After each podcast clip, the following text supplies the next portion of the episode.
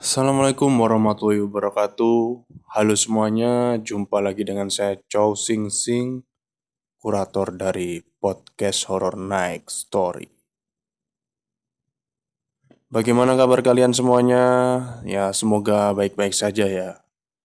Dan seperti biasanya, pada malam hari ini saya akan menyajikan cerita horor khusus untuk kalian dengarkan. Cerita kali ini datang dari pemilik akun Twitter bernama Bri Story. Dia menceritakan tentang pengalamannya ketika melakukan perjalanan keluar kota ya. Oke, langsung saja saya ceritakan. Jadi lo balik, Rif. Kenapa nggak besok aja sih? Udah malam kan ini? Benar juga sih yang Iwan bilang. Memang sudah jam 7 malam. Mau sampai Sukabumi jam berapa nanti? BTW Iwan adalah teman kosku. Dia tinggal di kamar sebelah. Aku Arif, pemuda kelahiran Sukabumi yang bekerja sebagai perawat di salah satu rumah sakit di wilayah Jakarta Barat. Aku tinggal di kos di dekat tempat kerjaku. Bis terakhir dari Bogor menuju Sukabumi jam 9 malam. Semoga keburu. Aku memang harus mampir ke Bogor dulu sebelum ke Sukabumi. Ada titipan dari om yang harus kubawa ke rumah.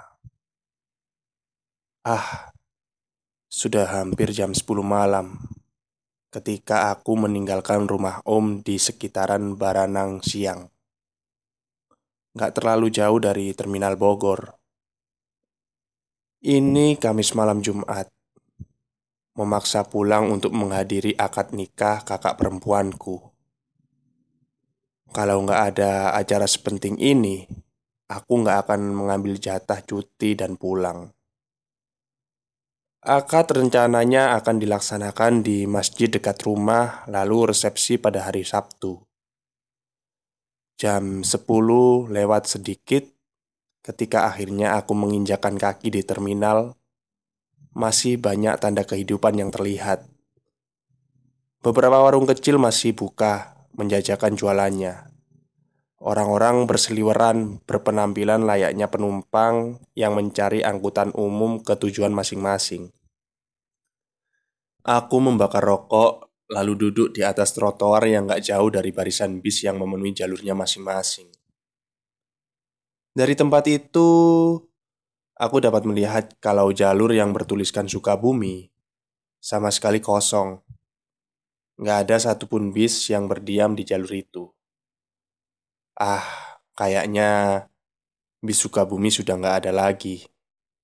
Harus cari mobil omprengan nih. Begitu pikirku. Mau ke mana, ah? Tanya seseorang yang sepertinya calo. Sukabumi, Kang. Masih ada nggak ya bisnya? Aku menjawab pertanyaannya. Wah, udah nggak ada tuh. Terakhir tadi jam sembilanan. Setelah menjawab, lalu laki-laki itu ngeloyor pergi. Benar kan? Bis terakhir sudah berangkat. Tapi Walaupun begitu, aku tetap harus pulang malam ini juga, bagaimanapun caranya. Beberapa menit kemudian, aku memutuskan untuk berjalan keluar terminal, lalu menyeberang jalan.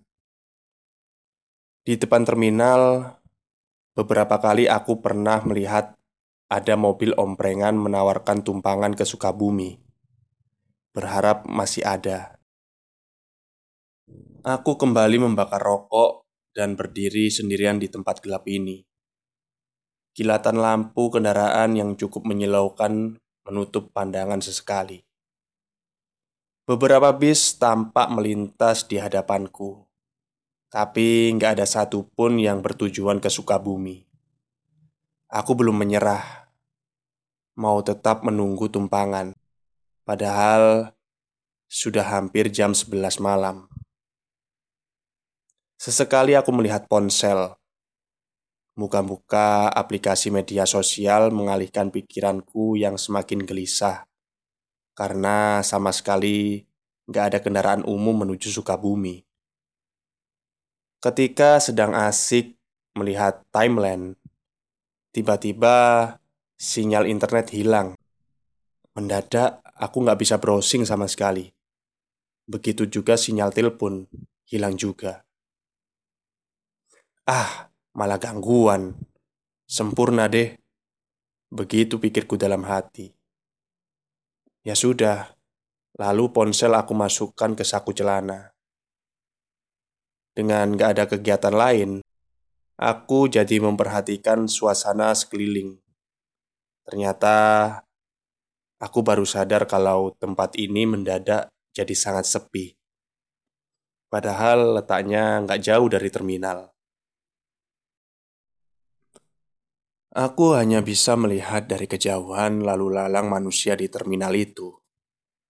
Sementara di dekatku sudah sangat sepi dan hening. Yang masih sesekali melintas adalah beberapa kendaraan yang menuju ke Bogor. Bukan di jalur yang ada di hadapanku. Benar-benar sepi. Sekali lagi aku melihat ponsel. Namun, Tetap saja belum ada sinyal. Aku melamun jadinya. Tepat menjelang jam 12 tengah malam, sempat berpikir aku kembali ke rumah Om. Bermalam di sana, kemudian berangkat ke Sukabumi pagi-pagi sekali. Tapi ketika baru saja hendak melangkahkan kaki, Tiba-tiba pandangan mata tersorot lampu besar yang sangat menyilaukan. Ah, ada bis besar. Begitu pikirku. Dan ternyata benar. Ada bis besar yang tiba-tiba datang dari arah Pajajaran.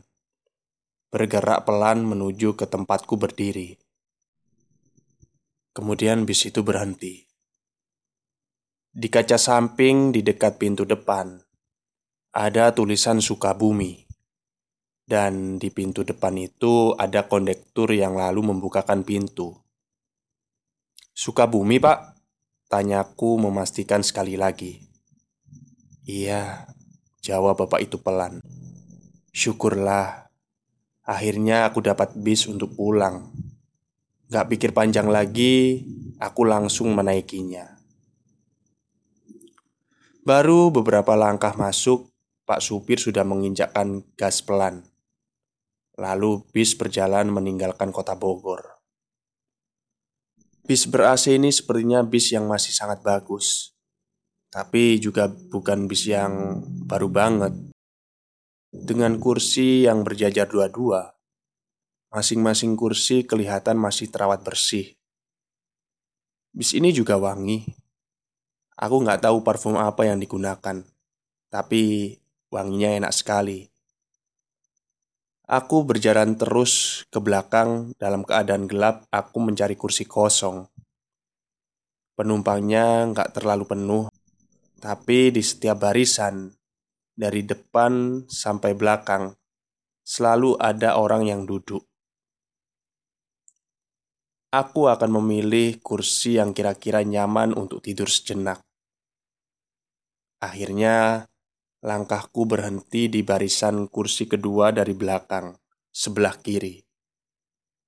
Ada seorang bapak yang duduk di kursi dekat selasar.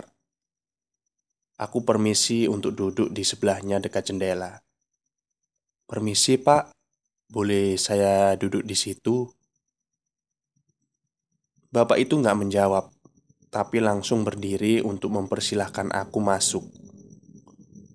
Lalu aku duduk di kursi itu. Seorang bapak yang cukup tua. Perkiraanku umurnya sekitar 60 tahunan. Oh iya, ada pemandangan yang sedikit aneh ketika aku masuk bis tadi. Kalau aku perhatikan, ketika sedang berjalan mencari tempat duduk, penumpang yang ada di dalam bis ini gak ada yang tidur. Semuanya duduk tegak di kursi masing-masing dengan mata terbuka menatap ke depan. Tipikal bis malam, apalagi tengah malam seperti ini, biasanya kan selalu saja ada penumpang yang terlelap atau minimal dalam posisi bersandar untuk tidur. Tapi ini enggak. Seperti yang aku bilang tadi, semua penumpangnya dari depan sampai yang paling belakang duduk tegak di kursi dengan mata menatap ke depan. Gak ada yang terpejam. Yang lebih aneh lagi, sama sekali gak ada yang memperhatikan aku. Mereka cuek semua. Bapak yang duduk di sebelahku juga sama. Posisi duduk tegak memandang ke depan sama sekali diam dan gak mengajakku berbicara sedikit pun. Tapi ya sudahlah, aku gak terlalu memikirkan itu. Hati sudah senang karena akhirnya dapat kendaraan untuk pulang. Aku terus memperhatikan jalan ketika kami sudah benar-benar meninggalkan kota Bogor. Lampu dari rumah-rumah dan toko kecil yang ada di sisi kiri masih terlihat menerangi pinggir jalan di daerah Ciawi menuju kota kecil berikutnya, Cikeretek, Cijeruk, dan seterusnya. Bis melaju sangat cepat, jarang sekali mengerem mengurangi kecepatan. Terus berjalan dengan suara mesin yang hampir nggak kedengaran. Iya, suara mesinnya sangat hening, nyaris seperti mati. Bis ini perawatannya cukup bagus banget. Sampai suara mesinnya halus gini. Nyaris gak terdengar. Begitu pikirku dalam hati. Sesekali terdengar hanya mesin kendaraan yang ada di luar. Dan itu pun sangat kecil. Tapi ya sudahlah. Aku gak ambil pusing. Aku sekali lagi mengeluarkan ponsel dari saku untuk melihat apakah masih gangguan sinyal. Dan lagi-lagi aku kecewa. Ternyata belum ada sinyal juga. Jadi aku nggak bisa menghubungi siapa-siapa. Aku kemudian kembali memperhatikan pemandangan sambil duduk bersandar. Kanan kiri jalan mulai semakin gelap sangat berbeda dengan keadaan Bogor kota. Suasana di dalam bis pun sangatlah sepi. Sama sekali nggak ada orang yang berbicara satu sama lain. Nggak ada suara musik, radio pun juga nggak ada. Benar-benar sepi. Sejak aku naik, tadi keadaannya sudah seperti ini. Pak supir juga nggak pernah membunyikan klakson atau berbicara dengan kondektur yang berdiri di sebelahnya. Aneh, iyalah. Lama-lama aku semakin merasakan keanehan itu. Ditambah lagi, nyaris sudah setengah jam perjalanan. Kondektur belum juga menghampiriku untuk menagih ongkos. Dia terus diam berdiri di samping kiri supir. Aku jadi nggak tenang kalau mau tidur. Mau ke mana? Tiba-tiba bapak di sebelahku bertanya. Aku yang tadinya sudah mulai mengantuk, jadi sedikit kaget. Suka bumi, Pak. Mau pulang? Jawabku sambil tersenyum. Saya sebentar lagi turun. Kamu juga secepatnya harus turun. Beliau bilang begitu. Di akhir kalimat, dia kembali menghadap ke depan, lalu diam seperti semula sebelum aku menjawab apa-apa. "Emang kenapa, Pak?" tanyaku kemudian. Tapi bapak hanya diam gak menjawab. Ah, sudahlah. Mungkin aku salah dengar. Lalu aku kembali ke posisi dudukku semula, bersandar. Tapi aku masih penasaran Maksud dari omongan bapak tadi itu apa ya? Itu pertanyaan yang langsung muncul di pikiranku. Sementara bis terus melaju semakin cepat. Kilatan cahaya dari luar jadi membentuk garis lurus berwarna-warni. Aku sama sekali nggak mengenali daerah mana sebenarnya yang sedang kami lintasi. Terlihat asing. Padahal seharusnya ini jalur yang sudah biasa aku lintasi kalau pulang mudik. Ini daerah mana ya? Kok asing? Pikirku dalam hati. Tapi itu menjadi pertanyaan terakhir yang terlintas dalam pikiranku. Tubuhku sudah sangat lelah dan mengantuk. Akhirnya, perlahan mataku tertutup, terlelap dalam perjalanan di dalam bis yang sepertinya bukan bis biasa. Bis berjalan lambat. Kilatan cahaya dari luar membangunkanku yang sepertinya cukup lama tertidur. Aku melirik ke kursi sebelah. Ternyata bapak yang tadi sudah nggak ada. Mungkin sudah turun. Lalu aku mengeluarkan ponsel dari saku dan melihat apakah masih ada sinyal. Dan benar saja, ponsel masih belum bisa digunakan. Tapi dari layarnya aku dapat melihat kalau ternyata sudah jam 2 lewat sedikit. Berarti seharusnya Sebentar lagi sampai tujuan. Aku kembali memandang keluar. Di sana nggak terlihat banyak lampu lagi. Langit cerah kali ini menjadi serpihan cahaya yang sedikit membantu penglihatan. Beberapa saat aku termenung diam, masih sangat mengantuk, tapi harus tetap terjaga karena sebentar lagi bis akan berhenti hingga saat di mana hidungku seperti mencium sesuatu. Indra penciumanku menangkap bau yang sangat familiar. Aku mengenali bau ini. Bukan wangi parfum. Ini sangat berbeda dengan saat aku masuk bis tadi. Ada yang beda di dalam bis ini. Aku menyadari itu ketika akhirnya aku sadar ini adalah bau darah amis yang sangat menyengat. Sontak, langsung aku mencari sumber bau itu. Celingukan aku melihat ke bawah. Takutnya ada sesuatu di kakiku. Dan gak ada. Bagian di bawah kursi gak ada apa-apa. Kemudian perhatianku teralihkan ketika melihat seseorang berjalan dari depan menuju ke bagian belakang bis. Ketika sudah dekat, baru aku sadar dan melihat dengan jelas bahwa orang itu adalah kondektur. Aku hafal dari bentuk seragam yang ia gunakan. Ah, akhirnya Pak Kondektur menagih ongkos juga. Begitu pikirku dalam hati. Kemudian aku merogoh saku celana untuk mengambil uang. Sampai akhirnya Pak Kondektur sudah benar-benar berdiri di sebelahku. Aku langsung menyerahkan beberapa lembar uang kepadanya. Ketika serah terima uang itu, aku langsung terdiam, terperangah, bingung sejenak, lalu perlahan berubah menjadi ketakutan yang teramat sangat. Kalian tahu kenapa? karena aku melihat penampilan kondektur yang sangat menyeramkan.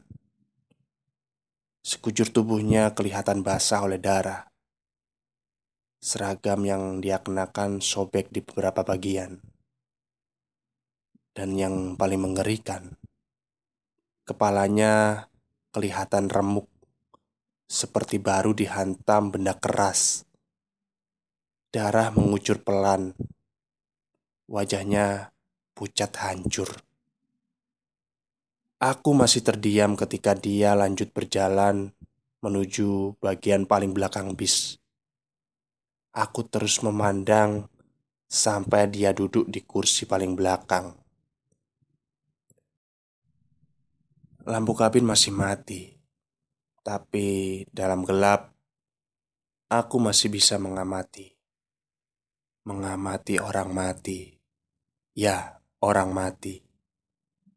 Setelah akhirnya aku memperhatikan sekeliling, ternyata bukan hanya kondektur yang sepertinya sudah mati.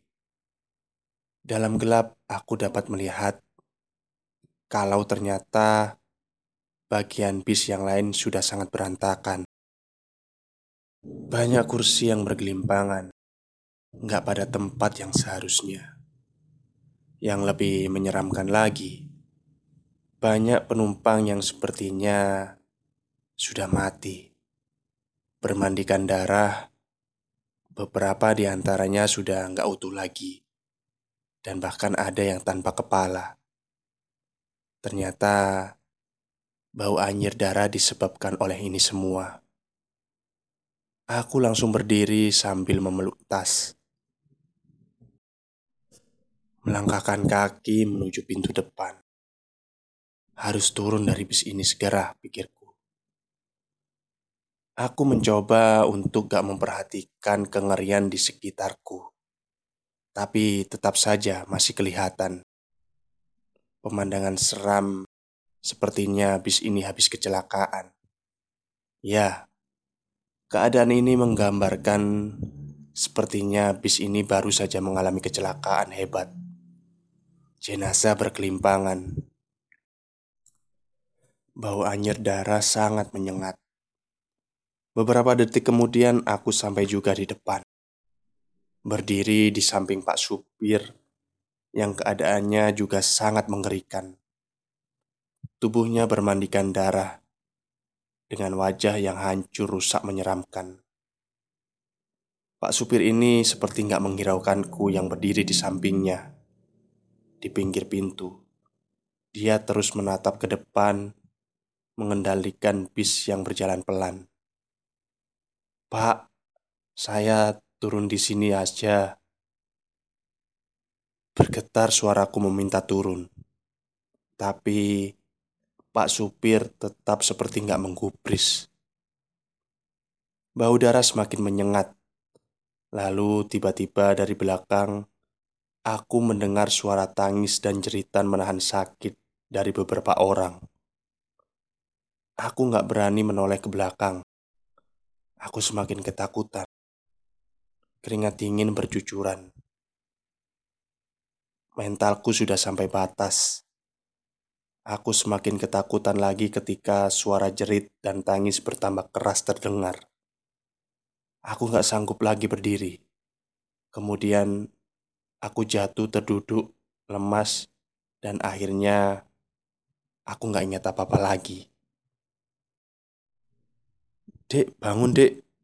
Suara bapak-bapak membuatku tersadar. Hari masih gelap ketika akhirnya aku benar-benar sadar. Jangan tidur di sini. Di halte aja tuh Kata bapak itu lagi. Aku mengiyakan omongannya Lalu berdiri dan berjalan menuju halte yang gak jauh dari tempatku tadi. Ternyata Sebelum dibangunkan bapak tadi, aku tengah terbaring di trotoar yang lokasinya nggak jauh dari terminal Sukabumi. Aku pingsan dan aku nggak ingat apa-apa. Tapi syukurlah, aku akhirnya dapat keluar dari bis yang menyeramkan itu. Bis yang sekarang entah sudah berada di mana. Aku merogoh saku celana untuk mengambil ponsel. Syukurlah, sudah ada sinyal lagi. Aku langsung menghubungi adikku dan memintanya untuk menjemputku. Gak lama setelah itu dia datang menggunakan motor. Setelah kami berboncengan, kalimat pertama yang keluar dari mulutnya adalah Kok AA bau anyir darah sih? Habis ngapain emangnya? Sekian ceritaku malam ini. Semoga kalian semua bisa belajar dari pengalamanku.